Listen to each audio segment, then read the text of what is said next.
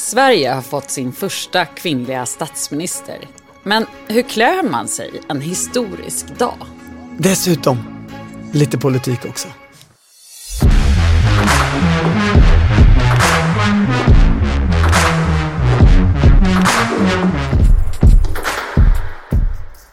Det här är Politiken med Annie Reuterskiöld, Maggie Strömberg och Torbjörn Nilsson. Jag tänkte att vi kunde lägga till lite extra dramatik här. Eh, eftersom mindre än hälften av riksdagens ledamöter har röstat nej har kammaren godkänt förslaget att utse Magdalena Andersson till statsminister. Torbjörn, Ja, det är en historisk dag. ja det är det. Vi är i riksdagen och Magdalena Andersson har röstats fram som Sveriges första kvinnliga statsminister. Jag har en fråga till dig. Ny fråga. Vad har du på dig? Jag har på mig en kostym, en vit skjorta, en slips. För man vill ju inte vara liksom sj- sjavigt klädd en historisk dag, eller Vad, hur? vad har du på dig denna historiska dag? Ja, men jag har också en, en typ av kostym med lite mer feminin touch skulle man kunna säga. Eh, Men, men jag tänkte efter igår kväll för att jag hade också kunnat lätt gå hit i långärmad t-shirt och jeans som jag ofta gör här i riksdagens korridorer. Jag tycker en sån här dag kräver viss, viss värdigt, visst värdig klädsel. Hur säger man? Man säger väl viss värdighet på något sätt. Frågan är ju om den här dagen var så värdig politiskt. Det var ju en dag när alla partier på något sätt fick någonting, fast kanske inte det de ville. Socialdemokraterna fick alltså utse eh, den första kvinnliga statsministern i Sveriges historia. Eh, Miljöpartiet fick eh, statssekreterarposter som de eftersträvar så himla mycket. Moderaterna, Sverigedemokraterna, Kristdemokraterna fick alla sina ändringar i budgeten. Det vet vi inte med säkerhet just nu, men det är ju en budgetvotering i eftermiddag som de ser ut att vinna. Efter att Annie Lööf har sagt att hon ska lägga ner sina röster. Precis. Centerpartiet, de fick på något slags konstigt vis sin förhandlingsposition inför nästa val. Och Vänsterpartiet, de fick ju ett papper som alla kan se. Det de inte Äntligen. fick Kände de. för tre år sedan. Precis. Det finns ett papper som ni aldrig kommer att få se. Ja, alltså, och frå- alltså dagen är ju inte slut än. eh, Du tycker det är för tidigt att summera det här kaoset? faktiskt, för att om, jag, jag tror aldrig jag sett så många arga miljöpartister på ett och samma ställe eh, som eh, utanför eh, kammaren. Man är ju fly förbannade på att Annie Lööf nu inte röstar för regeringens budget och alltså möjliggör f- för de borgerliga partierna att sänka bensinskatten. I reda summor är det ju inte en enorm förändring. Men för Miljöpartiet så blir det ju väldigt svårt att gå till val med att man genomför sänkta bensinskatter. Om man tänker på kritiken mot dem som parti tidigare. Ja, och i den där så ligger väl diskussionen om vad Centerpartiet har utfäst mot regeringspartierna eller inte. Alltså den här dagen började ju med, den började ju egentligen igår kväll. Vad var det som hände igår kväll? Då kom ju Socialdemokraterna och Vänsterpartiet eh, till slut överens om eh, pensionsförändringar eller höjningarna då av pensionerna t- till de som har det allra sämst ställt. Och de gjorde det på ett sätt som inte behöver störa pensionsarbetsgruppen, vilket var viktigt för Socialdemokraterna. Precis. Det var ju också ett, ett vad ska man säga, lite plågsamt inslag i Aktuellt. Där Nooshi Dadgostar hade kunnat ta sig till studion och stod i ensamt majestät.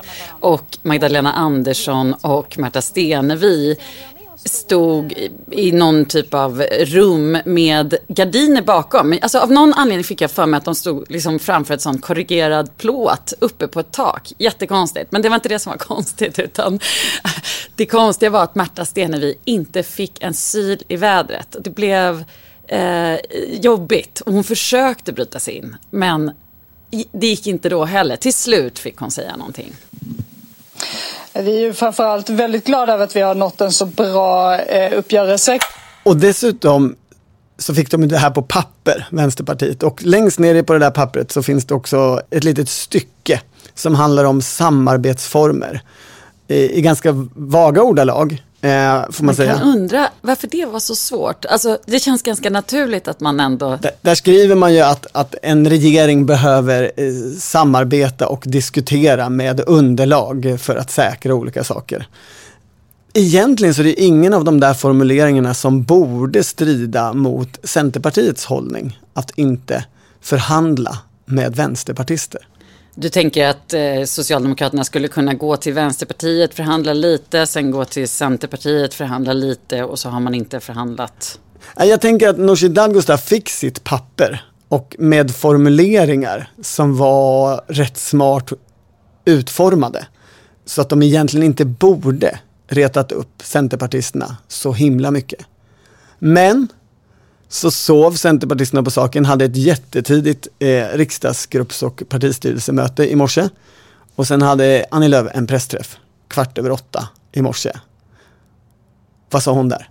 Jo, men där sa hon ju då att hon kommer släppa fram Magdalena Andersson som statsminister, men kommer helt enligt praxis rösta först på Centerpartiets budget och sen eh, lägga ner sina röster. Eh, och då blir det ju den borgerliga reservationen, eller vad de vill kalla det, som eh, kommer gälla. Som budget. Precis. Så på det sättet så är den, den breda mitt som, som Annie Lööf så att säga driver fram indirekt och direkt är en statsminister med underlag från Vänsterpartiet och en budget med underlag från Sverigedemokraterna. Ja, man vill vara Det är elak. otroligt brett. Ja, och om man vill vara elak så eh, kan man ju säga att det är på det sättet. Men egentligen så har hon ju faktiskt inte gjort någonting. Alltså hon har, eh, statsministeromröstningen har ju egentligen ingenting med eh, Vänsterpartiets stöd att göra. Eh, och där hon lägger ner sina röster, där släpper hon ju fram Sverigedemokraterna.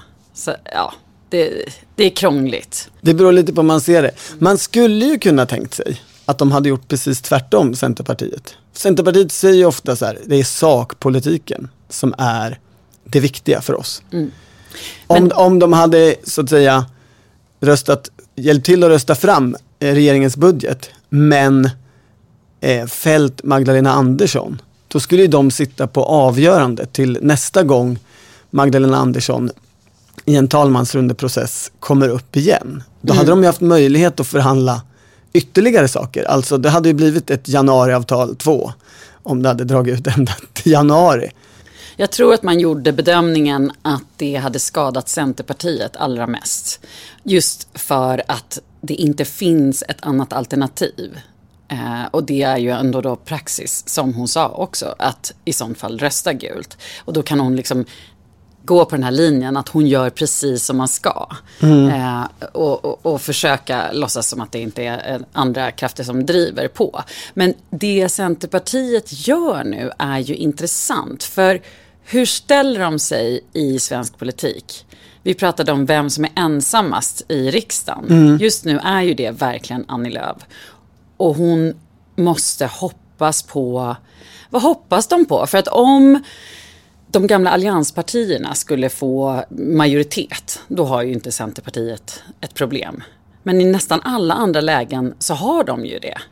För att Sverigedemokraterna måste ju acceptera en eh, till exempel minoritetsregering som består av allianspartierna. Och det kommer de ju aldrig göra. Eh, så alternativen är ganska små, även om man nu vill framstå som kungamakare och vågmästarroll. Um, jag tänker att det som hände idag var ju historiskt med vem eh, det var som blev statsminister. Men i övrigt så var det ju inte en sak som handlade om den här pågående mandatperioden.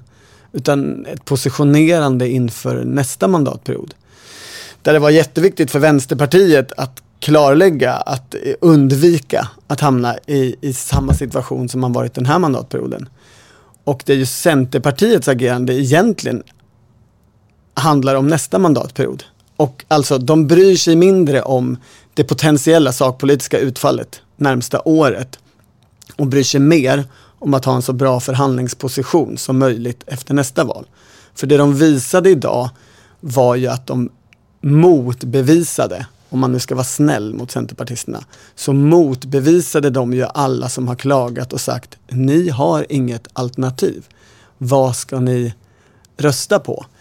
Ja, nu är, är vi inte med och stödjer den här budgeten, alltså visar vi att vi visst har ett alternativ. Mm, men det alternativet innebär ju att Sverigedemokraterna får igenom sina reformer. Absolut. Så att liksom i ett andra led, vad spelar det för roll att ni inte aktivt röstar för när det leder till samma sak? Nej men de får ju mer och mer problem med sin ytterkants eh, isolering och sin ytterkantsretorik. Men samtidigt så höjer hon ju idag, alltså Annie Lööf, priset på de centerpartistiska mandaten i riksdagen nästa mandatperiod. Nu kan en socialdemokrat eh, inte ta de här mandaten för givna. Så som man kanske har trott att man kunde. Det kommer kosta, de kommer vara besvärliga. Tror du att de har tagit det för givet? Det känns som att de har kämpat jävligt Okej, för hårt. givet, det var väl lite, För- för men, men deras mandat. man tänkte sig väl, det, så var det ju på, på den socialdemokratiska kongressen.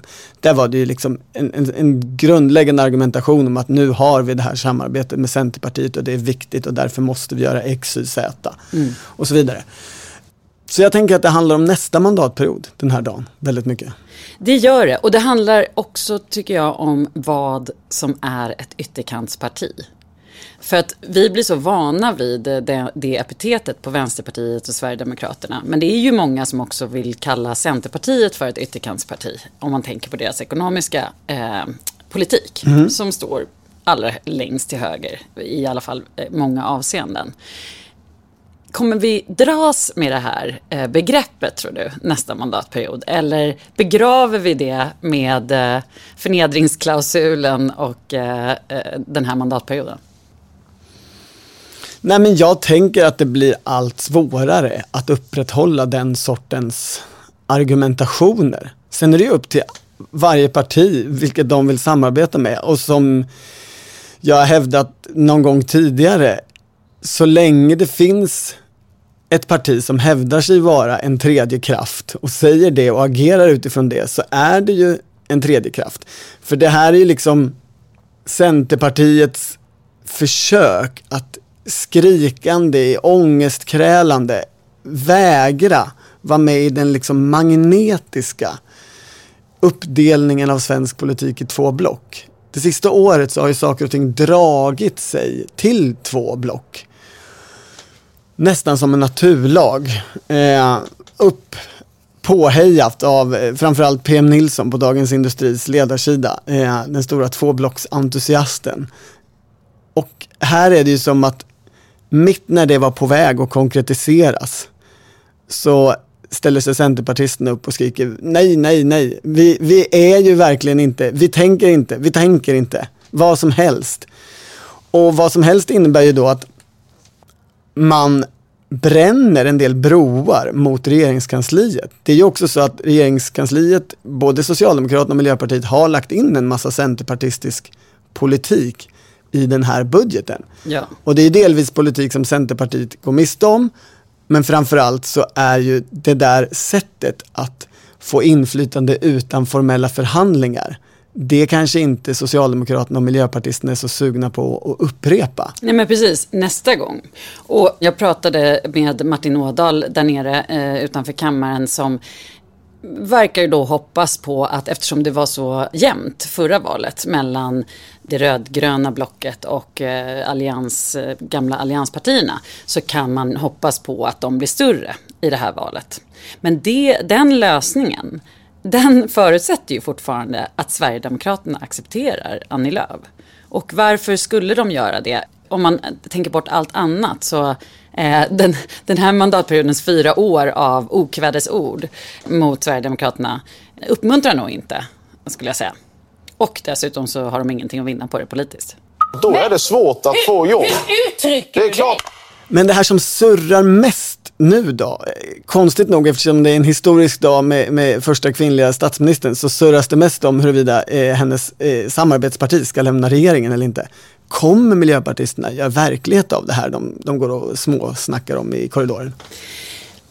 Jag Mm, det är jättesvårt att säga, för att det, det, finns ju två alternativ. Antingen lämnar de regeringen, eller så hotar de om att lämna regeringen för att visa hur svårt det kommer bli för dem att gå fram med de här bens eh, sänkta bensinskatterna. Det vet vi inte när vi spelar in den här podden. Men det är intressant för att jag eh, kom på mig själv med att jag har mest tänkt på att det blir svårt för Centerpartiet att släppa fram en budget som har de här sänkta bensinskatterna. Jag har skrivit det flera gånger, just för att man har den här gröna profilen. Ja. Men jag har liksom glömt bort att Miljöpartiet sitter i regeringen och måste gå till val på detsamma. Och det är lite symptomatiskt att jag har glömt Miljöpartiet, för de har inte hörts under hela den här processen. Det. Det har ju bara varit snack om hur Socialdemokraterna ska eh, komma överens med Vänsterpartiet och så har det ju varit. Men det är klart att det är väldigt svårt för just det här partiet att i alla fall inte bråka extremt mycket om det här. Ett problem med just den här bensinskattesänkningen, som borde vara ett problem för Centerpartiet, är ju att den i praktiken enligt undersökningar mest gynnar storstadsmänniskor eh, och inte landsbygdsmänniskor som man tänker sig. Eh, det kanske inte miljöpartisterna egentligen har något problem med. Men det är klart att, att i, i klimatkris så är det otroligt svårt att, att ha den där linjen. Mm, verkligen. Och det är ju ett problem för Miljöpartiet att man redan uppfattas som ett statsparti. Men kan de inte, de kan väl göra precis som man har gjort tidigare när man har fått regera på, på oppositionens budgetar, att man friskriver sig och säger vi vill ju inte det här, vi vill ju något helt annat, det vet ni väl? Ja, det, det är ju en möjlighet, men jag tänker att just Miljöpartiet som har verkligen dragits med just den bilden av sig själva. Som att man lovar guld och gröna skogar och sen genomför diametralt motsatt politik för att man är, satt i någon typ av samarbete där man fick makt. Men inte tillräckligt mycket makt, uppenbarligen. Precis. Det, ja, och sen så kan man ju också vända på det och säga, vore det inte ganska bra för Miljöpartiet att lämna regeringen nu? Visa på sin gröna ryggrad och eh, eh, på något sätt eh, gå fram som en helt fristående kraft i valet. Det kan man ju tänka. Jag, jag fastnar på att miljöpartisterna är så sura på centerpartisterna för att de tycker att centerpartisterna brutit avtal. Alltså, i de här skogsförhandlingarna så var ju Miljöpartiets krav att det skulle finnas en massa pengar i budgeten till att ersätta skogsägare för avsättningar av skog. Alltså ju mer pengar det finns desto mer skog kan avsättas. I eh, Moderaternas och, och Sverigedemokraternas och Kristdemokraternas budgetförslag som nu ser ut att bli verklighet så är den pengapåsen mycket mindre. Och det var så att säga, tycker miljöpartisterna, dealen. Centerpartisterna fick det de ville ha och miljöpartisterna fick pengarna. Och nu backar inte centerpartisterna upp de här pengarna. Utan bara släpper dem vind för våg. Så där är det en allvarligare sak i vad som ändå under ett par års tid tycks ha varit ett fungerande, trots allt, samarbete mellan två gröna partier och ett stort rött. Socialdemokraterna, Miljöpartiet och Centerpartiet. Det är en fråga om förtroende här också som de vill hävda inte finns längre. Ja, det, det ser just nu eh, ut att vara kört i botten. Det, det, måste man ändå säga. I alla fall så ser det ju ut så på Miljöpartiets gruppledare i riksdagen, Carolina Skog, eh, när hon springer runt här i korridorerna idag. Vi får se om det går att återbygga. Jag tänker att det var en typisk historisk dag. Alltså om man tittar på kvinnors representation i, i politiken historiskt så är det ju ingen framgång eller seger i den processen som har varit enkel eller som har varit självklar. Karin Kock som var första eh, statsrådet i regeringen, det, det, var ju liksom bråk i flera år med Tage Erlander innan om att han måste utse en kvinna eh, till minister och han typ vägrade. Och på det sättet är ju den här kaosdagen lite typisk. Birgitta Dahl fick ju kämpa enormt mycket för att hamna där hon till slut hamnade. Absolut. Så jag tänker att det är typiskt och historiskt korrekt att Magdalena Andersson till slut blev statsminister. Men under så röriga och bråkiga omständigheter som man egentligen kan bli statsminister under. Hon ska inte under. få det lätt. Tydligen inte. Och jag står redo att leda en regering som, krä- som gör det som krävs för att vi ska ta itu med detta. En rätt intensiv vecka. En rätt intensiv vecka. En rätt intensiv vecka. Veckan. Veckan. Ja, det har verkligen varit en intensiv vecka, det får man ändå säga. Det har det. Och kanske framför allt för Sverigedemokraterna.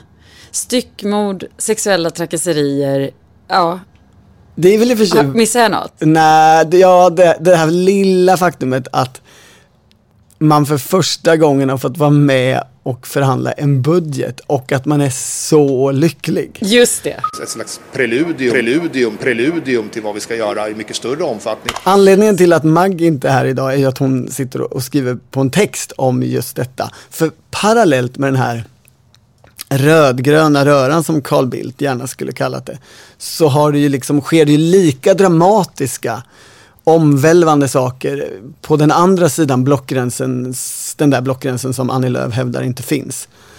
Precis, jag kanske bara ska, ska eh, lite förklara det här med styckmord och sexuella trakasserier för den, för den som inte är helt säker på Är vad jag inte det menar. normala saker för Sverigedemokraterna? Alltså det, det är ju, om jag inte tar fel, riksdagspartiet som har eh, flest eh, riksdagsledamöter med domar på sig.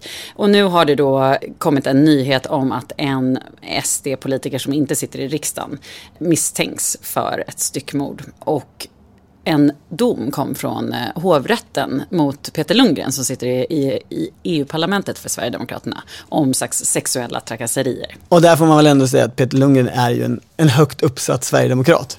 Det är han verkligen. Och det har ju varit lite skilda budskap från Sverigedemokraterna vad gäller den här eh, domen. För först så pratade Richard Jomshoff om att ja, men det här är redan utagerat i partiet. Och då framstod det ju lite lätt som att man faktiskt tar eh, lite lätt på Sveriges eh, lagar helt enkelt.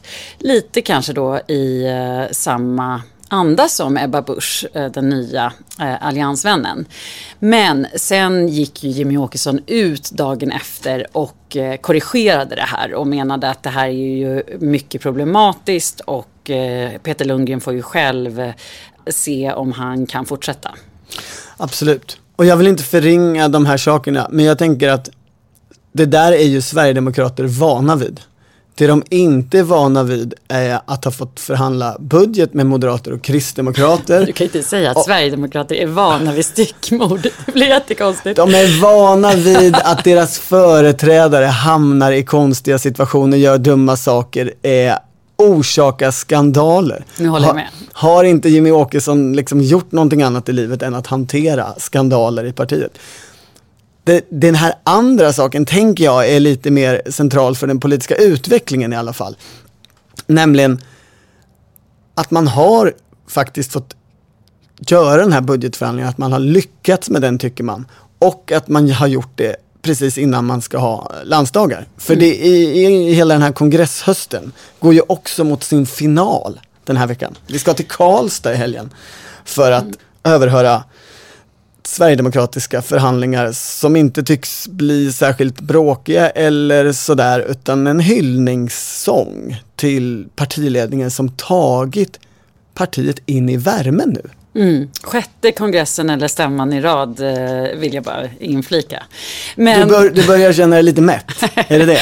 Kanske lite. Men det är precis som du säger och någonting de har eh, gemensamt är ju att de, alla de här stämmorna som har varit då kongresserna har ju haft eh, eh, en väldig positivitet runt sig. Just för att pandemin är över, man har inte kunnat träffas, äntligen kan man göra det och man är ett år före valet. Som kanske är den viktigaste för politiken. För det är inte så vanligt att man bråkar jättemycket i något parti ett år före valet. Utan då, då försöker man gå fram så enade som möjligt och sen kommer kongressen efter valet eh, med de stora bråken.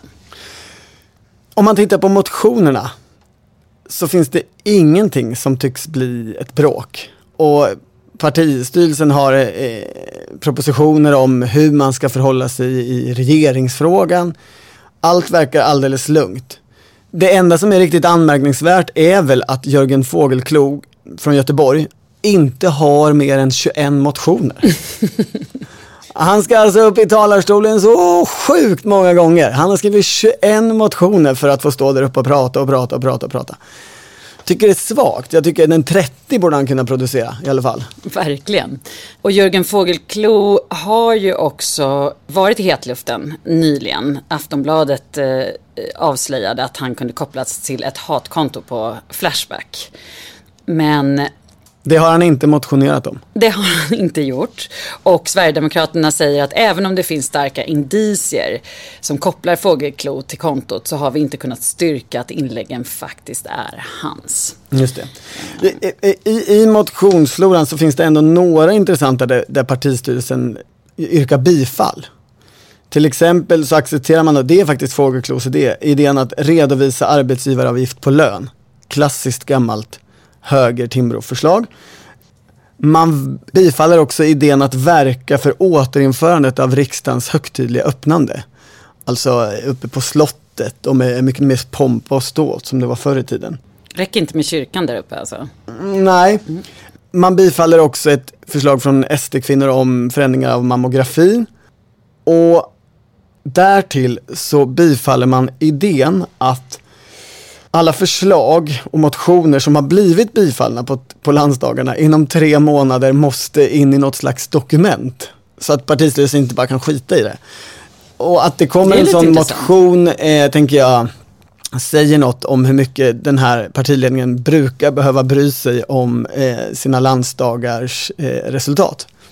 Verkligen. En annan sak när jag kollade igenom eh, motionerna som jag tycker är lite kul är ju att Nyamko Sabuni eh, tidigare i år när hon skulle visa på likheter med, eh, som man, där man faktiskt kan komma överens med Sverigedemokraterna från liberalt håll så nämnde hon eh, specifikt integrationen. Och det eh, hoppade jag till lite eh, Ja. av vid tillfället. Så nu vill jag bara kolla. Eh, gjorde en sökning på integration bland motionerna och, och för att se vad som fanns. Och då hittar vi då, det här är ett axplock, men eh, det är bland annat som rubrik till ett fast mål för återvandring. Dessutom eh, ett annat förslag om att strypa flerfamiljsbidraget. Och en motion som vill ta bort rätten till kostnadsfri språktolk för svenska medborgare när då språktest som krav för medborgarskap har införts. Och du menar att det här är inte typiska liberalpartistiska integrationsförslag? Det är ganska långt ifrån och dessutom så skriver Sverigedemokraternas partistyrelse i eh, ett svar att integration inte ska pressas fram uppifrån. Ja, det, det blir en utmaning kan man säga för Sabuni och hennes eh, förhandlingsteam. Det där får man ju tänka på det här landsmötet som Liberalerna hade i Linköping i helgen. Det, det var som att det var en, under hela den här kongresshösten och under det allmänna regeringsbildningskaoset så var det som att det var på en parallell planet lite. Det hände men hände inte, ingen brydde sig jättemycket fast det var en ganska stor sak och någonstans så är ju liberalpartisternas beslut att lämna januariavtalet själva grunden till, till dagens alla händelser. Vi kan prata med alla i riksdagen, men vi kommer aldrig ge avkall på de liberala kärnvärdena. Finns det en anledning att du säger just liberalpartisterna? Ja, för jag tycker att det, det är ett eh, hemskt namn på ett parti gentemot alla människor som identifierar sig som liberaler men kanske inte tycker att Nyamko Sabunis eh, partiprogram är det ultimat liberala. För det var ju Så jag också tänker att de inte ska få claima det sådär enkelt. Någonting som också var kul under deras landsmötet var ju också att Emma Hön Bustos, eh, ledarskribent, skrev hela tiden när det gick bra för internoppositionen så skrev hon att liberala falangen har vunnit. Ja, det går ju att definiera det där. Men det, det är ju spännande det som hände att partistyrelsen vann med enkelhet den viktiga frågan om hur man ska förhålla sig i regeringsfrågan. Ja. Om röda linjer och allt det där. Men att, om vi kallar det för vänsteroppositionen, ju visade sig vara mycket starkare än vad man hade förväntat sig i sakfrågor. Och att den där vänsteroppositionen består ju inte bara av grånade föredettingar som Maria Leissner och Bengt Westerberg. Utan att den ju verkligen består av nästa generation. Så här är det ju ett problem för partiet om man nu tyckte att man fick någon slags ordning på skutan och lite, nu vet vi vad vi ska göra framöver, så är ju återväxten en återväxt som ifrågasätter den inriktningen och den, det förhållningssättet. Kan det bli så att vi istället för den breda mitten i Sveriges riksdag får den bråkiga mitten i Sveriges riksdag bestående av Liberalerna och Centerpartiet? Och att de bildar regering? Vem vet? Vem vet?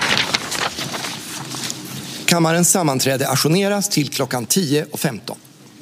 Avslutningsvis denna dag så är egentligen bara frågan när riksdagsförvaltningen slår sönder den här eh, spegeln som finns i det så kallade kvinnorummet här i riksdagen. Alltså en spegel ovanför vilken det står Sveriges första kvinnliga statsminister, är det du? Och så ska man se sig själv i spegeln. Den är ju helt eh, daterad. Det, det, det, kan man säga. Det är ju kanske det enda som står klart idag, va? Att det är, i alla fall nu när vi spelar in, att det är Magdalena Andersson som blir eh, Sveriges statsminister. Eh, det mesta andra är uppe i luften. Och så ska vi också säga att om ni har undrat varför vår podd låter så fruktansvärt bra så är det för att vi har en producent som heter Daniel Persson Mora. Och det ska vi komma ihåg att säga varje gång framöver. Och med det säger vi tack och hörs nästa vecka.